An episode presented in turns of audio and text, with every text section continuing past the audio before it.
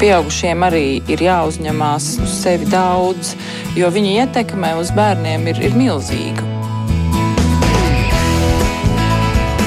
Mēs tiekamies ģimenes studijā.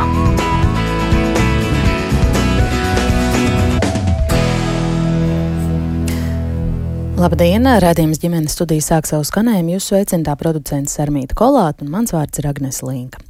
Ko jaunais piekdienas saimē nodotais valsts budžeta likumprojekts 2024. gadam sola Latvijā ģimenēm ar bērniem?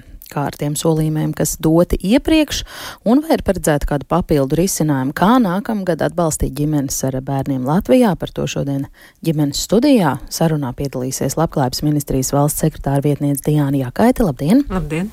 Arī Latvijas daudzbērnu ģimeņu apvienības valdes priekšsēdētāja Elīna Trēja šodien kopā ar mums ģimenes studijā. Labdien! Labdien! Latvijas pašvaldības savienības padomniece veselības un sociālajos jautājumos Ilze Rudzīte šeit. Labdien! Labdien! Un gaida mums drīz pievienosies arī demogrāfe un Rīgas ekonomikas augstskolas asociētā profesora Zana Vārpiņa sveicināta ģimenes studijā. Jā, Zana spēr plašu soli un sēstas pie mūsu mikrofona. Sveiki!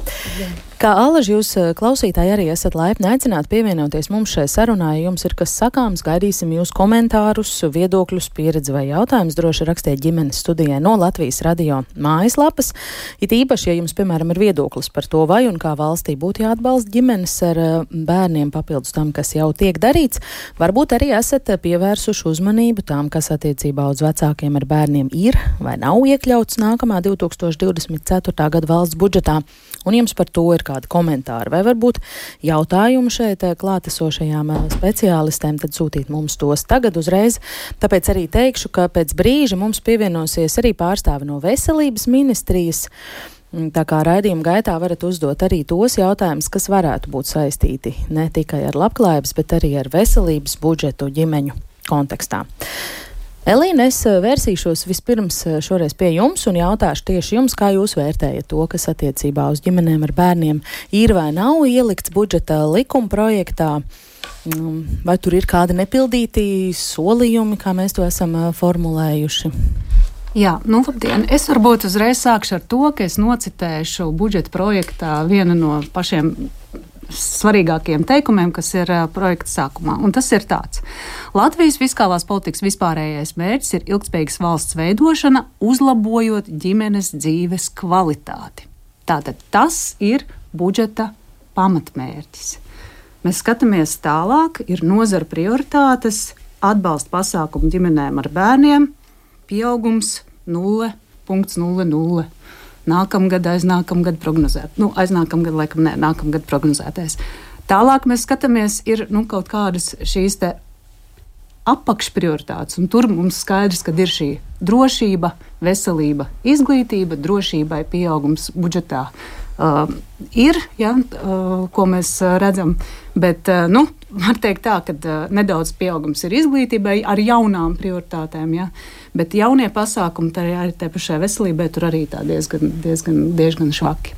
Bet atgriežoties pie ģimenes dzīves kvalitātes uzlabošanas, pie uh, nevienlīdzības izskaušanas. Uh, kas arī ir nu, acīm redzama, un, un ģimenes ar bērniem ir šajā vis, nu, riska grupā, ja, kuras ir vairāk pakļautas ja, kaut kādam uh, nu, trūkum, trūkumam ja, vai. vai uh, vai tam, ka nepietiek ienākumu visām pamatvajadzību nodrošināšanām. Es aicinu paskatīties vēl vienu lietu, kas ir mūsu budžetā, un tas ir pasākumu ietekme uz ienākumu nevienlīdzības rādītājiem. Un šajā budžeta projekta priekšvārdā ir divi koeficienti - Džīvini koeficients un šis te ienākuma kvintīls sadales koeficients. Un abi šie koeficienti norāda, ka 2024. gadā paredzētā budžeta sadale tikai vairos ienākumu nevienlīdzību starp iedzīvotājiem. Turklāt, nemaz neskatoties uz to, ka, nu, piemēram, tur uh, kvint, uh, ienākuma kvintīvu sadale Eiropā vidēji ir 4,74. Latvijā pērn pēc budžeta bija 5,59, un uh, nākamgad ir 6,04. Tātad uh, uh, ienākumi 20% iedzīvotāji ar augstākajiem ienākumiem sešas reizes būs lielāki nekā ienākumi iedzīvo, 20% iedzīvotāju ar uh, mazākajiem ienākumiem. Ja?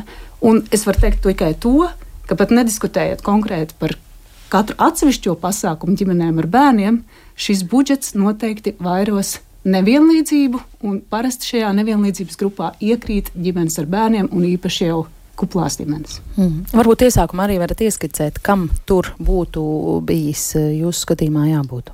Uh, nu, uh, mēs esam daudz cīnījušies par kaut kādiem konkrētiem atsevišķiem, varbūt šiem pabalstiem, kas ir atpalikuši.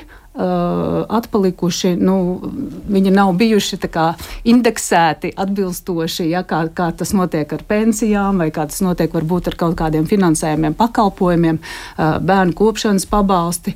Uh, nu, kas, kas varbūt ir tāds uh, kliedzošākais, ja, kas jau ir izskanējis vairāk kārtīgi.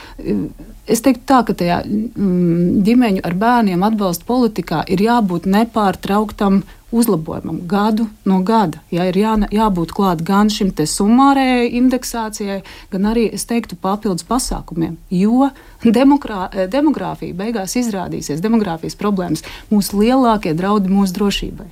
Mm. Šobrīd uzlabojuma vietā jūs pareizi sakāt stāvbremze norauta. Diana Jakaita, Labklājības ministrijas valsts sekretāra viesniece, kā komentēsiet eh, šo vai, vai piekritīsiet tam, ka esam uz pauzes atbalsta um, vairošanas ziņā, ģimeņu situācijas uzlabošanas ziņā? Nevaru piekrist tam, ka mēs esam uz pauzes. Eh, jā, eh, budžetā varbūt nav iekļauti tādi finansiāli ļoti ietilpīgi pasākumi, par kuriem arī Labklājības ministrija tur rūpi. Tie paši pabalsti, atsevišķi, kas ir, nu, ko saņem lielāka vairums ģimeņu, pieņemsim, tie, tas pats piedzimšanas pabalsts, ko mēs rosinājām jau paaugstināt. Uh, Uh, arī, arī par uh, ģimenes valsts pabalstu mums vēl ir idejas, tā, tas pats arī bērnu kopšanas pabalsts ir. Bet uh, mēs arī saprotam, ka budžetā viennozīmīgi skatās divas puses, skatās arī šīs finansiālās iespējas. Un, mm, jāsaka tā, ka tas mūsu viens no panākumiem, ko mēs patiešām esam priecīgi, ka tas mums ir izdevies. Uh, ir tas, ka mums valstī jau šobrīd regulāri pārskatīs minimālā ienākuma līmeni un tam saistītos pabalstus. Tas bija ļoti nozīmīgs solis mums kopumā valstī. Tas gan lēmums tika pieņemts iepriekšējā gada budžetā, bet tam ir diezgan liels konsekvences uz nākamajiem budžetiem, jo šie pabalsti tiek pārskatīti katru gadu. 1. janvārī. Un, līdz ar to tas bija viens no soliem, soļiem, pa ko mēs priecājamies. Tātad finansiālais atbalsts aiziet tām ģimenēm, maisaimniecībām, kurām varbūt ienākumi viszemākie. Ja skatās uz nākamā gada budžetu, tad nav tā, ka tur nekas nav. Nākamā gada budžetā ir vairāk pasākumu, kas ir arī mērķēti uz ģimenēm un bērniem, un tieši arī gan finansiālais atbalsts, un tas, pa ko mēs ļoti bieži aizmirstam runāt, ir arī pakalpojumu atbalsts. To mēs neizsakām varbūt tādā finansiālā izteiksmē un varbūt statistiski nenovērtējam, bet patiesībā tam ir ļoti liela liela ietekme gan uz uh, ģimenes labbūtību, gan arī iespējām. Nu, tad, piemēram, par šo finansiālo atbalstu, tad no 1. janvāra mums tiks paaugstināts uh, piemaksas pie ģimenes valsts pabalsta par bērnu ar invaliditāti apmērs un valsts atbalsta ar celiakijas slimiem bērniem atbalsts, un tas pieaugs no 106,72 eiro līdz 160 eiro. Jā, protams, vienmēr var vēlēties vēl vairāk, bet šis pieaugums tomēr ir 54 eiro, un tas ir katru mēnesi šis pieaugums. Līdz ar to uh, zināms arī atbalsts ģimenēm ir. Uh, kopā tam ir paredzēta 5,9 eiro, un, ja mēs skatāmies no ģimenēm, uh, tā aptveramība ir tā, ka tātad piemaksas pie ģimenes valsts pabalsts saņem kaut kur aptuveni 8500 ģimenes. Savukārt 500 eh, ģimenes ir tās, kurās ir bērniņš, ar, kuram ir uh, diagnosticēta mm. cēlījākija. Uh, tas ir tīri no finansiāla atbalsta, bet uh, mēs kā Labklājības ministrija arī gatavojam uh, priekšlikumus uz nākamā gada budžetu, un šajos priekšlikumos būs jau arī iekšā iekļauti Vēlreiz mēs ejam un cīnīsimies par gan uh, bērnu kopšanas pabalstu paaugstināšanu, gan piedzimšanas pabalstu paaugstināšanu, jo tas nav pārskatīts diezgan sen. Un, protams, mēs arī par ārpusģimenes aprūpas atbalsta, uh, finansiālo atbalstu arī uh, sniegsim savus priekšlikumus ļoti ceram, ka nākamā gada budžetā vismaz kādu soli paiesim uz priekšu arī attiecībā uz šiem pabalstiem. Mhm. Uh, varbūt es uzreiz varu pavaicāt arī par to pašu pirmo, ko jūs minējāt, mināku, minimālais ienākumu apmērs, tad kā, kā arī tam būs konsekvences un ietekmi uz ģimeņu budžetiem, vai ir iespējams tā kaut kā ilustratīvi šo izskaidrot. Tad no 1. janvāra kas varētu būt labāk, kāds tas, tas taustāmais ieguvums? Teiksim tā, tas ir uh, viss atkarīgs, protams, no ģimenes un maisaimniecības sastāva. Nu, jā, jo teicāt, tur, jā, jā, jo tam ir, tam ir piesaistīti, piesaistīti tātad pie minimālā ienākumus piesaistīti vairāk pabalstu. Pieņemsim valsts sociālā nodrošinājuma pabalsts, ko saņem dažādās situācijās, pieņemsim, zaudējot apgādi, apgādāju, apgādnieku, ja apgādnieks nav veicis valsts sociālās apdrošināšanas iemaksas, tad uh, bērns par to saņem valsts sociālā nodrošinājuma pabalstu. Tas nav augsts mūsu ieskatā, bet tas par ko, eh, kas ir labais sasniegums, ir tas, ka vismaz šis pabalsts tagad tiek pie, um, piesaistīts pie minimālā ienākuma līmeņa, un šis pabalsts eh, sastādīs 25% no minimālā ienākuma līmeņa. Ciparos tas ir tā, ja šobrīd no 1. jūlija apmērs ir 157 eiro, tad no 1. janvāra nākamajā gadā tie būs 171 eiro. Uh, un katru gadu 1. janvārī, uh, mainoties šim minimālam ienākumam, ko mēs ņemam no centrālās statistikas pārvaldes, kas tiek mērīts uz apsakojuma pamata, šis pabalsts visu laiku pieaugs. Uh, Tas nav augsts, un šobrīd mums arī ir, uh, ir satversmes tiesa pieņēmusi lēmumu attiecībā uz sociālās palīdzības gan pabalstiem, uh, ka ir jāpārskata tātad šo pabalstu uh, apmēri atkarībā arī no minimālā ienākuma līmeņa. Uh, Uh, bet mēs nevarēsim skatīties tikai valsts sociālās, pal, uh, es atvainojos, pašvaldības sociālās palīdzības pabalstus. Mums būs jāskatās šī sistēma kopā. Tātad gan valsts sociālā nodrošinājuma pabalsta minimālie līmeņi, gan minimālās pensijas, gan uh, viss, kas attiecas arī uz sociālo palīdzību. Nu, tās ģimenes, kuras saņem sociālo palīdzību, mums ir ģimenes ar bērniem, kas saņem sociālo palīdzību. Protams, ienākums būs lielāks arī no uh, nu, pabalstu, ko viņi saņems no 1. janvāra. Un, uh, un arī, protams, ģimenes vairāk varēs pretendēt uz šo sociālo palīdzību. Jā, jautājums par uh, šo minimālo uh, slieksni ir atvērts un aktuāls, bet pie tā mēs arī strādāsim, jo mums ir ir, jānovē, ir jā, jāpild arī satversmes tiesas lēmums. Mm. Elīna, gribējāt vēl ko iebilst vai piebilst? Jā, nu, es noteikti nevaru kritizēt to, ka tiek, uh, ir kaut kāda palielinājuma pabalstos nu, šīm ļoti mērķētajām grupām, kur ir tiešām problēma situācijas, invaliditāte, celiakija, uh, uh, nomiris apgādnieks. Bet nu, tas nav vispārējais atbalsts ģimenēm ar bērniem. Uh, Par to mēs galīgi nemaz šeit nevaram runāt. Un, man tad ir jautājums, kādēļ šis minimālā ienākuma līmenis tomēr nav piesaistīts pie visiem citiem pabalstiem, kas ir šie vispārīgie pabalsti, kur, kur netiek, nu, pieņemsim, kaut vai šis pats bērnu kopšanas pabalsts, kādēļ viņš netiek piesaistīts pie šīs situācijas, jo, pie, pie, pie šī minimālā ienākuma līmeņa. Jo, piedodiet, 171 eiro tā ir situācija, ka dažreiz māmiņai kur ir sociāli nenodrošināta ar jaunpiedzimušo bērnu, ir jāiztiek pusotru gadu. Un īpaši, ja viņai vēl nav uh, bērna tēvs, kas viņu atbalsta, viņai nav noformēta varbūt uzreiz uztur līdzekļi, viņai var būt vēl uh, situācija, kad bērna tēva vietā ir strīpiņa.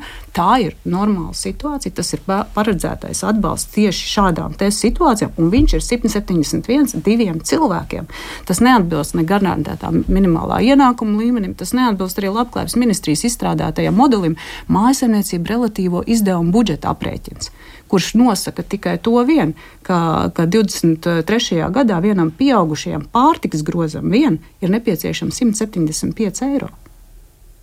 Mm. Kā ir ar šo uh, bērnu kopšanas pabalstu? 171 eiro. Tas nav mainīts jau 11 gadu.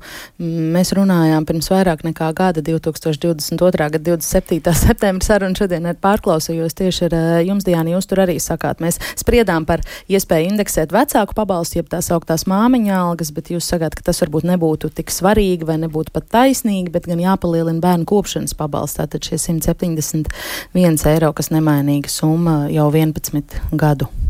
Turklāt, kas ir rakstīts ministra kabineta noteikumos? Ministra kabineta noteikumos precīzi ir ierakstīts, ka šis pabalsts ir jāindeksē balstoties uz vidējās algas izmaiņām. Un šogad tam nav izdevies atrast līdzekļus.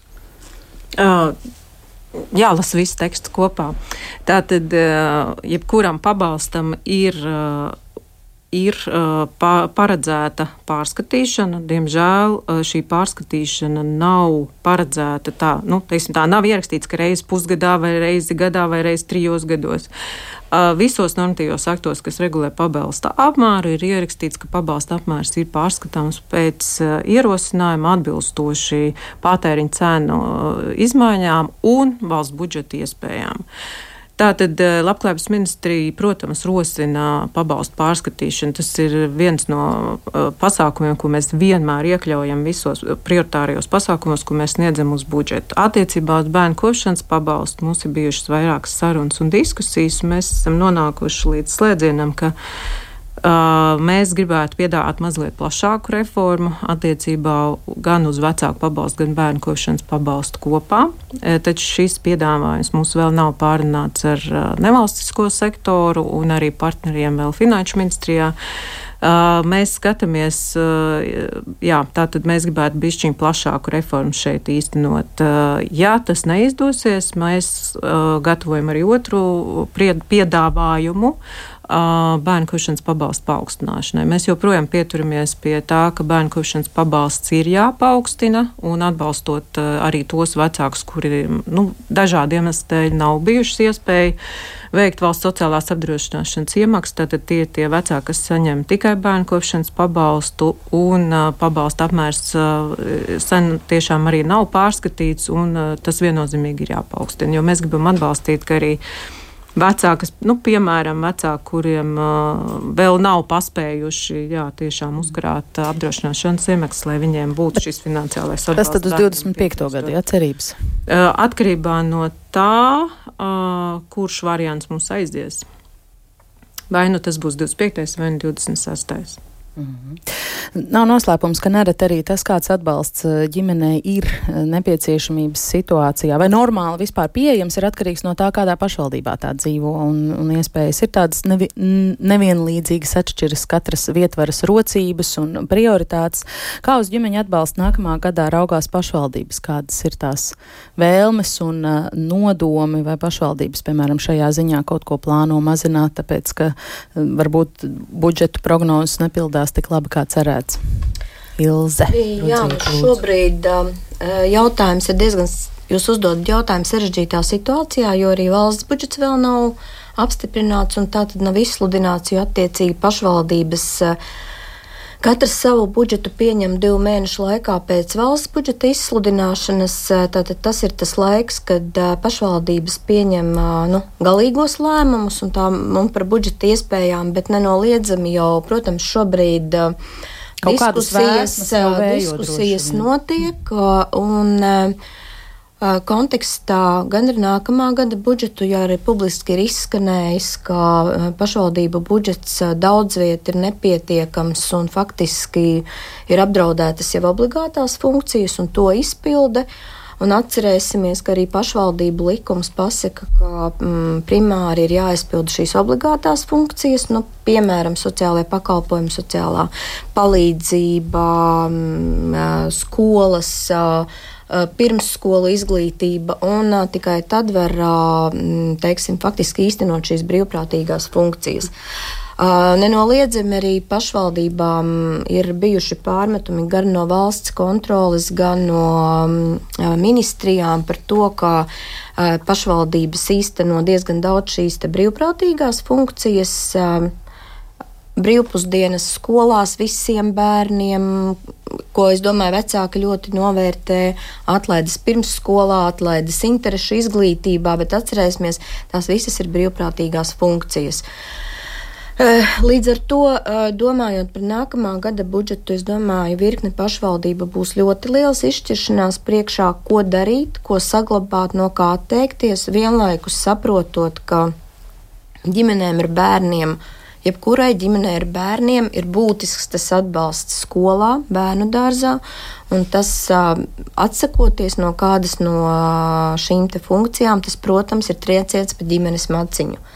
Ļoti vienkāršoti, bet vērtējot to, kāds, kāds ir cenu augums, pieaugums gan pārtikai, gan precēm, gan visam kopumā, nu, tā situācija ir diezgan nepatīkama, maigi izsakoties. Tā kā jā, pašvaldības būs spiestas vērtēt, ļoti rūpīgi vērtēt. Turklāt atceramies, ka nākamo gadu ir jaunas obligātās funkcijas, kas ir pašvaldības policija, kur nav pat veikti aprēķini, cik tas vispār pašvaldībām varētu izmaksāt. Ir tikai vadlīnijas, kas Eh, kuras, eh, nu, kurās noteikti to sarēķinot, tur, tur nu, diezgan ievērojama tā ietekme. Tas ir atskurbināšanas pakalpojums, kam arī jābūt katrā pašvaldībā. Un vēl lietas, kas, eh, nu, piemēram, šogad vēl tika finansēts no Eiropas struktūra fondu, tad plaši esat dzirdējuši par deinstitucionalizācijas projekta uh, noslēgumu. Tātad oktobris, novembris, kad ir pēdējais finansējums un kas droši vien uh, Eh, ļoti tiešā veidā eh, skars eh, ģimenes ar bērniem, kurās ir bērniņi ar īpašām vajadzībām, ar funkcionāliem traucējumiem, par, par spēju, kapacitāti turpināt šos pakalpojumus. Tādēļ, diemžēl, es jums šobrīd nevaru pateikt uh, konkrētus risinājumus, jo uh, ar tādiem noteikti pašvaldības nāks klajā budžeta apstiprināšanas laikā, bet tas, ka noteikti jau šobrīd tiek pārskatīti gan pašvaldības aizstošie noteikumi, uh, par iespējām finansēt daudzas un dažādas lietas, un tas tiek vērtēts, nu, pārskatīti uz eh, ģimenēm ne to labāko pusi, pārskatīti uz slikto pusi? Uh, šajā brīdī lēmumi jau vēl nav pieņemti, bet uh, iespējams, ka vērtē riski to, pastāv. Riski pastāv un uh, tai pašā laikā nu, arī kāds varbūt domā par kādu jaunu atbalsta ieviešanu. Jo, kā jau jūs sākumā minējāt, pašvaldību šī finanšu situācija absolūti nav vienāda. Viss grūtāk ir gan Latvijas pašvaldības, cik es zinu, arī kurzemes pusē, piemēram, Kuldīgas pašvaldībai, kur nav šis te vidējais uh, budžeta pieaugums par 7,9%, bet daudz zemāks. Uh, šobrīd uh, valsts uh, papildus rada iespēju šīm uh, visapdraudētākajām pašvaldībām eh, piešķirt papildus 7 miljoni, bet jau sākotnēji aprēķini liecināja, ka tur būtu jābūt vismaz 10 miljoniem.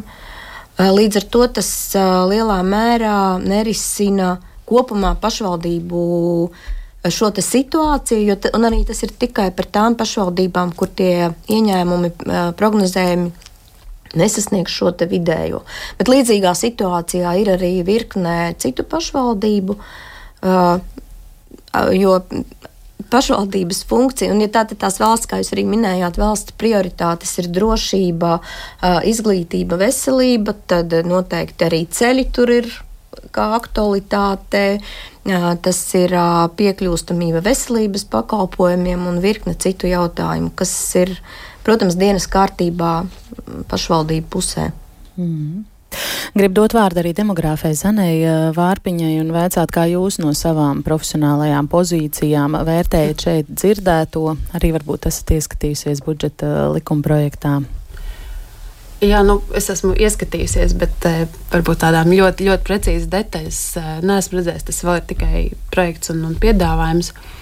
Bet, nu, komā tas mans secinājums, man liekas, ir ļoti līdzīgs tam, ko Elīna jau ieskicēja. Kad, jā, tas, tas pieaugums ir kaut kādām dažām grupām, bet nu, kopumā tas piedāvājums, jeb atbalsts eh, ģimenēm un, un ģimenēm ar bērniem, nu, viņš nav brīnišķīgs vai lielisks. Un man, man tā, tā sajūta ir tāda, nu, tas jautājums ir tāds, kādu kopumā signālu šis budžets sūta par to, ko mēs. Kādas ir mūsu vērtības un kādas, ko, mēs, ko mēs atbalstam. Jā, protams, drošība ir, ir svarīga visiem, tāpat izglītība un veselība. Bet nu, šeit tas, ka pie visām šīm prioritātēm, nu, tā ģimene, bērni un nu, demogrāfija, par ko mēs kopumā arī runājam, kad viņi atkal nav starp tām galvenajām prioritātēm. Nu, tur tas, mēs daudz dzirdējām no Labklājības ministrijas, ka mums ir plānots pārskatīt bērnu kopšanas pabalstu. Ir, ir plānota varbūt reforma plašāka. Bet, um, tas ir kaut kad nākamgad, aiznākamgad, vēl kaut kad. Tad ir jautājums, kāpēc, kāpēc mēs neesam drusku aktīvāki šajā te, kāpēc tā reforma nevar būt jau, jau nākamgad, jau, jau tas piedāvājums, kas mēs dzirdējām, 11 gadus nav pārskatīts, bet inflācija pa šo laiku ir bijusi jau pagājušā gadā alga tikko pieaugusi par 11 līdz 14 procentiem. Tad, eh, nu, tas, tas, protams, ir ļoti, ļoti liels um, um, jā, ienākumu. Uh, nu, relatīvi šis ienākums uh, ir krities pret visiem pārējiem. Un kas rada to situāciju, ka faktiski nu, tas kļūst neizdevīgāk mm. aiziet uh, bērnu kopšanas atvaļinājumā. Jā. Jā, es precīzi tieši gribēju piebilst, ka jebkas arī nu, šis finansiālais uh, pabalsts vai pakalpojums, jebkas, kas ir nepiefinansēts vai nepapildus piefinansēts, patiesībā ir rūkošs atbalsts. Jo mūsu dzīves realitāte visu laiku mums, mums dzīve sadārdzinās. Ja? Mēs paskatāmies patēriņa cenu pārmaiņas kopš 2020. gada līdz 2023. gadam. Patēriņa cenas ir augušas par 44%. Es paņēmu šo statistiku līdz 23. gada jūlijam - 44%. Tad jūs aprēķiniet vienas daudzbērnu ģimenes budžetu, pārtikas budžetu vien. Ja? Tātad, jebkurš nepapildinātais uh, finansējums uz kaut kādiem pabalstiem ir patiesībā rūkošs atbalsts tā skaitā ģimenēm ar bērniem, un tas ir papildus sloks pašvaldībām. Un šeit es iestāšos milzīgi uh, nu, skaļi pašvaldību pusē, jo patiesībā viņas ir tās lielākais nu, tāds vēl atbalsta devējs ģimenēm, un mēs esam ļoti satraukšies par nākošā gada situāciju, jo mēs ļoti labi apzināmies, ka ļoti daudz no šiem uh, pakalpojumiem, ko sniedz pašvaldības ģimenēm, ir brīvprātības princips, kas izriet tikai un vienīgi no politiķu prioritātēm vai tajā kurā pašvaldībā viņi to grib, un, protams, arī no iespējām. Ja? Bet šīs ir šie brīvprātīgi izvēlētie politiķu pakalpojumi pašvaldībās, un viņi no tiem būs spiest atteikties. Mēs zinām, ka jau šobrīd šī gada budžetu nevar, šī gada, šo gadu nevar 19 pašvaldības noslēgt un prasīja papildus aizdevumu valstī, ja, lai piefinansētu. Mēs zinām to, ka pašvaldības, kuras ir investējušas un kurām ir investīcijas, kuras, kurām ir valsts aizde, aizņēmumi un kurām ir jāmaksā procentu maksājumi, maksājumu, procentu maksājuma apmērs ir audzis desmit reizes. Ja? Nu, jūs saprotat, kādas papildus izdevumi pašvaldībām nosakt viņu vispār pamatlietas. Ja? Un līdz ar to, kas tad mums būs? Ja mēs zinām, mēs, mēs pat par ēdināšanu vairs nevaram paļauties, ka pašvaldības spēs bērniem nodrošināt daļēji vai kaut kā. Tas ir liels risks, ka mums būs dramatiski sarūkošs atbalsts ģimenēm un bērniem. Mm. Bet es vēl gribētu vēl vienu lietu par bērnu kopšanas pabalstu. Kopš 2016. gada mums ir sarukusi dzimstība par 20%. Es uz savu aci tā, nu, mēģinot parēķināt, cik ir uh, valsts budžets iekonomējis uz bērnu kopšanas pabalsta dēļ rūkošās dzimstības. Man sanāca 15 miljoni kopš 2016. gada. Kur šie 15 miljoni palika? Diana, esat šādi rēķinājuši? Līdzīgi kā Elīna Treja? Protams, nē, jo dzimstības paaugstinājums un samazinājums nav atkarīgs. Es atvainojos, ka es tā teikšu, bet uh, laikam jau pabalsts nav galvenais motivators ģimenē, kāpēc viņi lēmj par bērniņu ienākšanu ģimenē. Uh, un tas uh, šajā retorikā man šķiet diezgan būtiski tiek aizmirsts. Pabalsts ir ļoti svarīgs ģimenei, jo ģimenei šajā brīdī ir uh, tātad, protams, svarīgi ienākumi, lai var nodrošināt pilnvērtīgu dzīvi sev un bērnam. Tātad par to vispār nav runa. Par to, ka pabalsti ir regulāri pārskatāmi, arī viennozīmīgi tas ir jautājums, kas ir svarīgs. Un Labklājības ministrija šajā gadījumā vienmēr ir turējusi par to rūpi, bet lēmums nepieņem ministrija viena pati. Tas arī ir jāatcerās. Nākamais ir tas, mēs arī esam veikuši vairākus pētījumus, kas ģimenei tātad ir svarīgs pieņemot lēmumu par bērnu. Ģimenei primāri, ko mums norādīja arī pētījumos, aptaujās diezgan plašs vecāku lokus, tika arī aptaujāts arī cilvēki, kas nav uh, vēl pieņēmuši lēmumu, kuriem vēl nav vienādas bērniņš ģimenē. Ļoti izšķirošs jautājums ir par uh, šo drošības sajūtu. Un Ukraiņas karš mums ļoti labi pierādīja, kā, uh, kā tas iespaidoja mazliet arī dzimumu, uh, dzimstības rādītājus. Ļoti nokolerēja šis jautājums. Otrs, kas ir par to, ka Latvijā sarugs dzimstība Labklājības ministrija jau ir signalizējusi jau ļoti sen, Tāpēc, ka mēs sekojam līdzi arī sieviešu fertīlais vecums to ietekmē viennozīmīgi. Tātad mūsu uh, sastāvs, vecums sastāvs ietekmē to, cik bērni vispār nu, teorētiski var piedzimt. Uh, arī mēs skatāmies uz jauniešiem. Jaunieši šobrīd eh, arī gan vidēji Eiropā, gan arī mēs redzam Latvijā savu patstāvīgo dzīvi uzsāk arvien vēlāk. Pirmā bērniņa ienākšana notiek arvien vēlāk. Mēs runājam par daudziem bērniem. Mēs nenākam, nenonākam līdz pirmajam bērnam. Nu, ļoti daudzām jaunām ģimenēm. Tieši tāpēc mums būs piedāvājums arī, ko darīt. Un otrs vēl ir ļoti svarīgs jautājums, kas mums aptaujās parādīt. Tātad pirmais bija šī drošība, stabilitāte, un otrs bija aprūpas pakalpojumu pieejamība. Tas patiešām ir nu, kritiski brīdī, kad ģimenei ir piņa, vecākam, kurš atgriežas darba tirgu, viņam ir nākamā galvas sāpe, kur bērnam var nodrošināt aprūpas pakalpojumu. Mm. Diemžēl tā ir jā, problēma, bet nu, mūsu kolēģi Vides aizsardzības un reģionālās attīstības ministrijā strādāja arī ar fondu projektu, kas palīdz pašvaldībām pirmkārt izveidot pirmskolas, tātad bērnu dārzus tautas valodā runājot, un, un viennozīmīgi arī strādāja pie aprūpētāju pakalpojumu. Tātad, Cik tālu viņi ir tikuši šobrīd, es nepateikšu, taču šis ir vēl viens uh, nozīmīgs aspekts, ko mums iezīmē ģimenes. Pabalsti nebija pirmajā vietā, protams, ka tas ir izšķirošs vai uh, tātad uh, lemt par bērniņu vai nē, bet, protams, tas ir svarīgs jautājums. Mm -hmm. Ko demogrāfijas zinātne par šo saka, Zana, šķiet gribējāt piebilst? Jā, jā paldies. Es, es ļoti priecājos par to, to pēdējo komentāru, arī par tiem citiem, cita veida atbalsta pasākumiem. Ir skaidrs, ka budžetā mēs visu neredzam un, un daudz ko neredzam. Un, jā, tik tiešām nu, finanšu instruments un atbalsts, pabalsts ir ļoti būtiski. Sociālā politika pēc būtības, bet tā, tas nav tas, kas veicina. Um, uh, dzimstības pieaugumu. Bet vienlaicīgi uh, tas, kas to tiešām ir ietekme, ko rāda citu valstu pieredze, ir uh, tas, kādas ir iespējas savienot ģimenes un, uh, un darbu, ģimeni un darbu šīs divas, divas karjeras. Un, uh, es, tas varbūt ir tiešā veidā jautājums Labklājības ministrijai. Es nezinu par to, kas mums kā, kas, kas ir plānā un kādā veidā vēl kaut kādas izmaiņas ir paredzētas. Un tie ir tie instrumenti, kas nav varbūt neprasa tieši finanšu budžeta, budžeta kaut kādus izdevumus, bet kaut kāda cita veida izmaiņas, kas palīdzēs varbūt vecākiem vairāk piedalīties darba tirgū. Uh, strādāt un nevis prasīt šos pabalstus, bet nopelnīt ar, ar savu, savu darbu jau, mm. jau pietiekamu uh, ģimenei. Tā kā, nu, tas varbūt ir tāds jautājums, jo es nezinu par to, kas, kas ministrijai ir padomā. Jo mums ir bijusi arī runa par eh, šo, it īpaši man šķiet, tad, kad 22. gada 1. janvārī tika celts eh, ģimenes valsts pabalsts.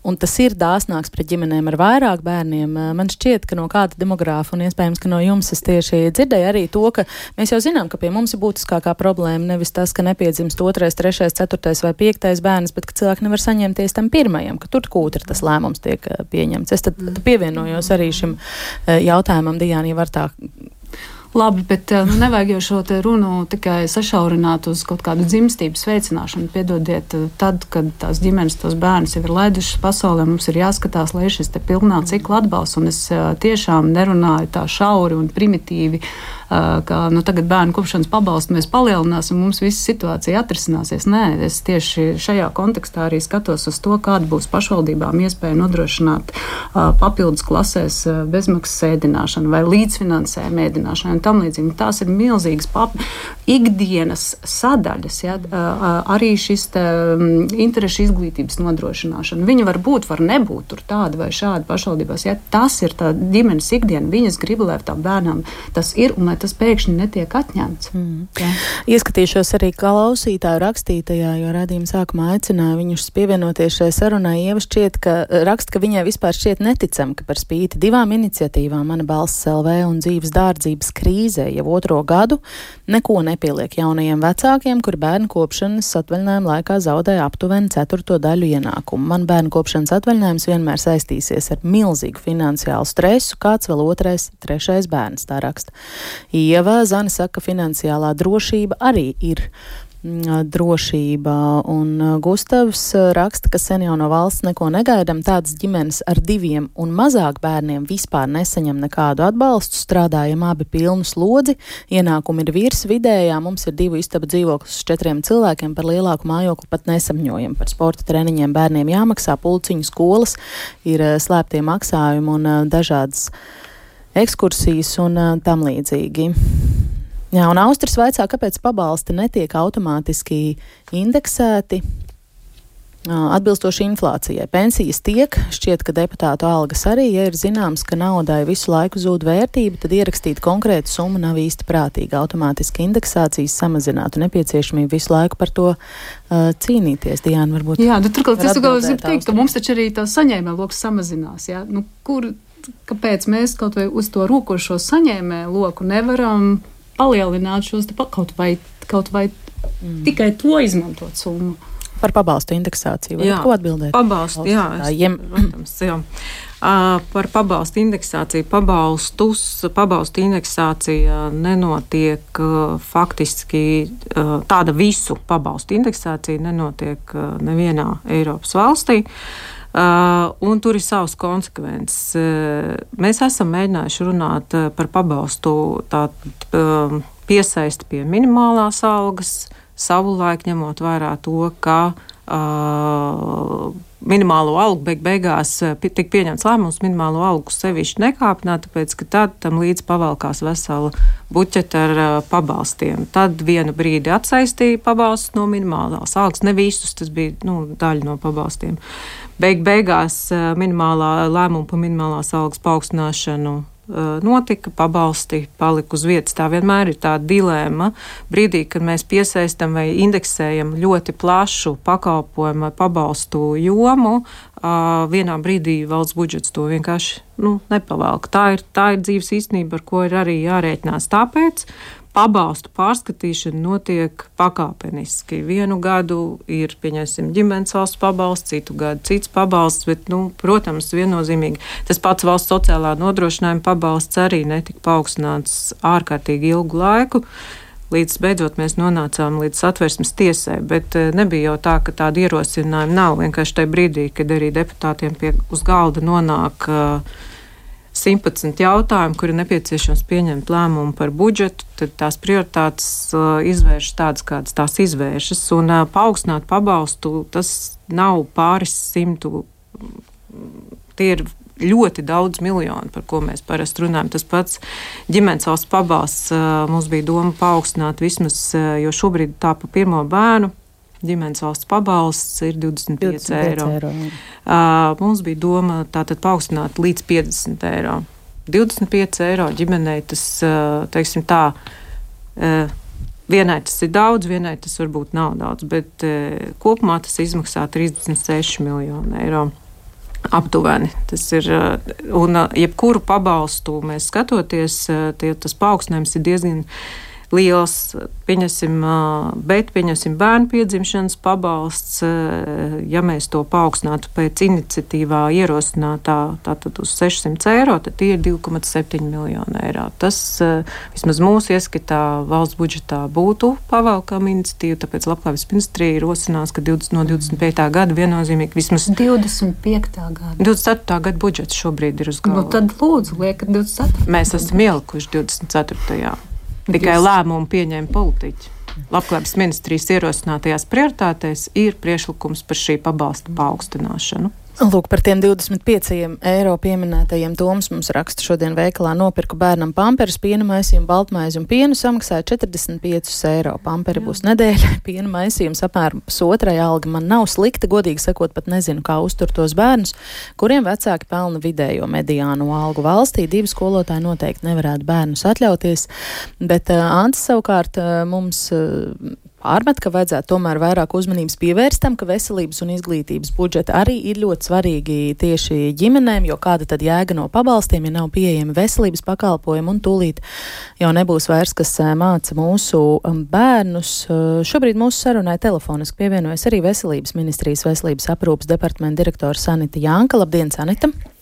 Labdien! Dzirdat mūs brīnišķīgi. Es lūkšu, tad jūs uh, varbūt komentēt, kas attiecībā uz veselības aprūpi un tieši bērnu veselības aprūpi mainās vai nemainās no nākamā gada, vai ir kādas labas ziņas vecākiem, vai kādi pakalpojumi uh, no veselības uh, budžeta būs bērniem pieejamāki.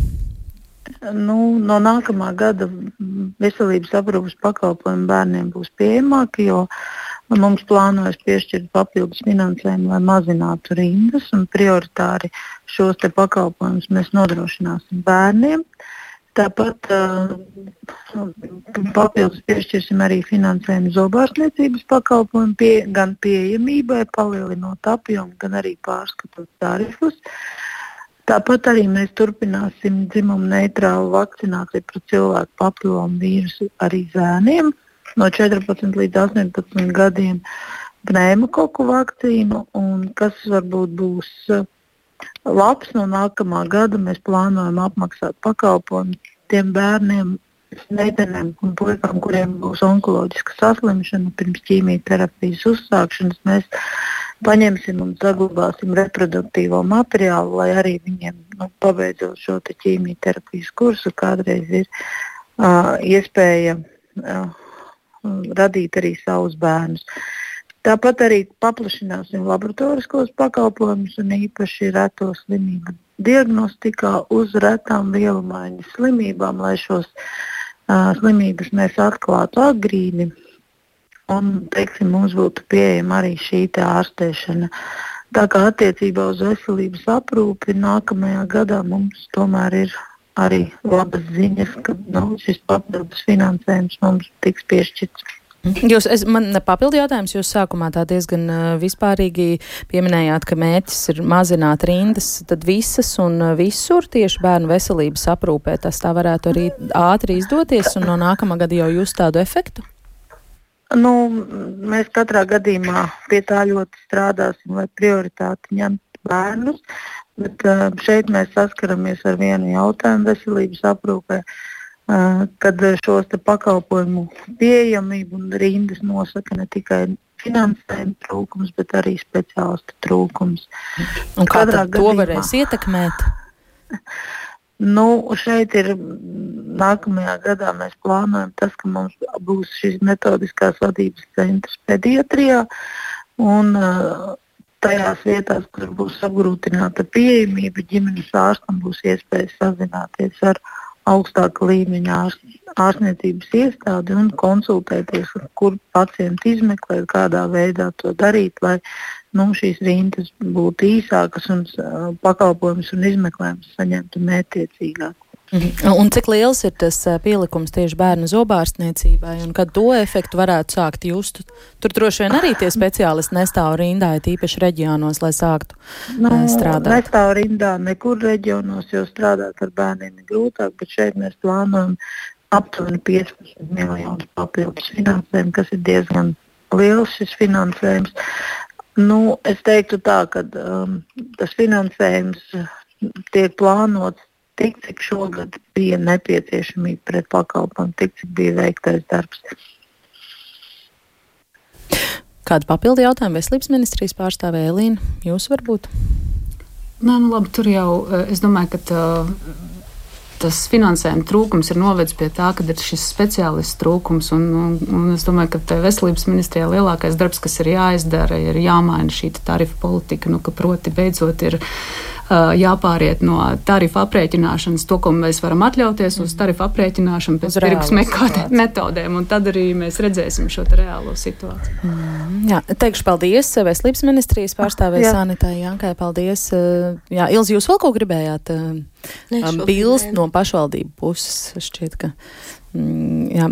Būtībā rezumējot, tad es gribu jautāt, Zane, varbūt arī jums vēlreiz par to, cik dažādiem valsts atbalsta mehānismiem ir tā būtiskā nozīme demogrāfijā, jo te jau vairāk kārt izskanēja, nu, pabalsti nav tas, nav tas galvenais, bet, nu, ja jums būtu kāda iespēja arī varbūt kaut ko vienu, nu, tiešām top numur viens iestrādāt tajā nākamā gada mm, budžetā, tad, tad, tad ko jūs teiktu, kas ir tas, ko visakūtāk vajadzētu tomēr eh, celt, eh, vairot? Nu, Kā atbalstīt? Man, jā, nu, mēs jau tiešām, tiešām par to runājam, un iepriekš arī esam, esam runājuši, ka tiešām ļoti, ļoti cieši padomāt par to, kāda ir tā iespēja, lai veicinātu to, ka ir vieglāk savienot ģimeni ar, ar darbu. Jo tajā, tajā brīdī jau tur, tur ir ļoti daudz, daudz mehānismu, kas tam papildus, papildus ieslēdzās. Pirmkārt, vecāki neizkrīt no, no darba tirgus, un viņi šajā laikā varētu būt daudz aktīvāki, daudz vairāk strādāt, ātrāk atgriezties. Varbūt tur ir iespēja ļaut elastīgāk, vienlaikus saņemt pabalstu un mazliet strādāt, ko mēs zinām, kas nav tik vienkārši. Tur ir droši vien apstākļi, kāpēc tas ir tā, kā tas ir. Uh, vienlaikus arī nodrošināt, ka, kad ir, ir tie bērnu pieskatīšanas pakalpojumi, tad, tad nu, man tur pat nav tāda īsti konkrēta jau viena, viena piedāvājuma. Es domāju, ka mums ļoti, ļoti vajadzētu domāt par to, kādi ir tie instrumenti. Un, un tā, tā pieredze citās valstīs ir, ir dažādas. Es domāju, mēs varētu brīnišķīgi paskatīties. Un, un ka tas varbūt nu, budžetā tas, tas nebūtu. Tas neprasītu tik daudz miljonus budžetā, kā tā atdeve tam būtu daudz, daudz lielāka. Uh, tiešām ļaut tiem vecākiem pašiem būt aktīvākiem un nopelnīt mm. to naudu, kas ir, kas ir vajadzīga arī, arī bērniem. Un, un tas ir tas, kas gan no citu valstu pieredzes, gan no demogrāfijas literatūras, kas, kam ir arī efekts uz, uz dzimstības pieaugumu. Mm. Starp citu, Diana, tas uh, rosinājums, kas arī šai studijā ir vairāk kārt apspriests, ļaut vecākiem vairāk piepelnīt trūkstošos līdzekļus klāt un uh, neatņemt viņiem iespēju saņemt lielāku daļu no pabalsta bērnu kopšanas atvaļinājuma laikā, tas ir nost no dienas kārtības mm. kalda šobrīd. Nē, es tā neteiktu, ka tas ir nost no dienas kārtības. Ir tā, ka Jā, šobrīd ir paaugstināts, eh, tātad pabalstu var saņemt 50% apmērā, atsākot strādāt, bet eh, tieši arī mēs pastījāmies Lietuvas un Igaunijas eh, praksi. Viņiem tātad šis vecāku pabalsts tiek finansēts no pamatbudžeta. Tas nozīmē tā, ka Mums šobrīd eh, vecāki maksā apdrošināšanas iemaksas, un vecāku pabalsts ir atkarīgs. Eh, tas ir apdrošināšanas pabalsts, kas nozīmē, tātad, eh, ka valsts nodrošina atvietojumu. Tātad nevis pilnu algu, ko cilvēks ir saņēmis, bet daļa no tā. Tas ir pamatā jebkuram apdrošināšanas pabalstam. Šis ir tagad tas pabalsts, kuru var vienlaikus strādāt un 50% turpināt saņemt. Šeit ir tas iemesls, kāpēc mums ir tā, kā mums ir. Uh, bet, ja šis pabalsts pilnībā tiktu finansēts no pamatbudžeta, kā pabalsts, nevis kā ienākuma atvietojums, bet kā pabalsts par to, ka vecākam ir bērniņš, Tad eh, jautājums par to, vai strādāt vienlaikus eh, un saņemt pabalstu, mums kļūtu daudz elastīgāk risināms. Lai gan te pašā Igaunijā ir eh, arī tā, ka vecāki saņem vecāku pabalstu no pamatbudžeta bet arī joprojām viņiem pastāv tātad mazliet ierobežojums. Tātad, ja vecāks atsāk strādāt, tad pabalsts nav pilnā apmērā. Bet, jebkurā gadījumā tie lēmumi būtu mazliet mums elastīgāki. Šobrīd arī vecākiem mazliet, nu tā sistēma nav tik vienkārši. Ir vecāku pabalsts, ir bērnu kopšanas pabalsts, un kurš tad man ir jāsaņem, kurš man nav jāsaņem. Mēs gribam drusku to tā kā vienkāršot, lai nav sarežģīti tie lēmumu pieņemšana, jo citādi vecākam piedzimst bērns valsts iesniegums un kāda 3-4 pabalsti rindā. Mm. Nu, skaidrs, ka ģimenes valsts pabalsts tas būs kā atsevišķs pabalsts, jo tas ir vienīgais, ko vecāki saņem arī bērnam līdz pat. Uh, 20 laikam, gadu vecumam, ja bērns mācās, bet savukārt. Savukārt, nu, attiecībā uz vecāku pabalstu un bērnu košanas pabalstu mēs gribētu paskatīties bišķiņu nu, citādāku regulējumu, mm. kas būtu vecākiem, varbūt arī draudzīgāks. Jā, Elīnijas, Jā, nu, es, es, gan, es nepiekrītu. Es teiktu, ka akali ir reforma, reformas pēc nevajag klaust to, kas strādā. Uh, mums ir iespēja vienkārši maksāt vairāk nekā 50%, tad, ja vecāks strādā, ir strādājoši, un, un mums valstī tomēr sabiedrībai vēl joprojām ir ļoti liela neusticība uh, va, nu, kā valdībai, kā viņi izlieto šos nodokļus, un, un līdz ar to cilvēkam ļoti svarīgi ir apzināties to, ka A, es tomēr saņemu kaut ko atpakaļ atkarībā no tā, kā es iepriekš esmu strādājis un maksājis nodokļus. Ja, un šis vecāka pabalsts, kas maksājās no, spe, no speciālā budžeta, ja, viņš, viņš nodrošina šo sajūtu, ka es dabūju atpakaļ tik, cik es esmu maksājis iepriekš un nopelnījis. Un, un ir šī fiksētā daļa bērnu kopšanas pabalsts. Ja. Bet es gribu teikt vienu lietu, kas ir ļoti svarīga ģimenēm. Ģimenēm prioritāte numur viens un lielākā izmaksu pozīcija gandrīz ir mājoklis.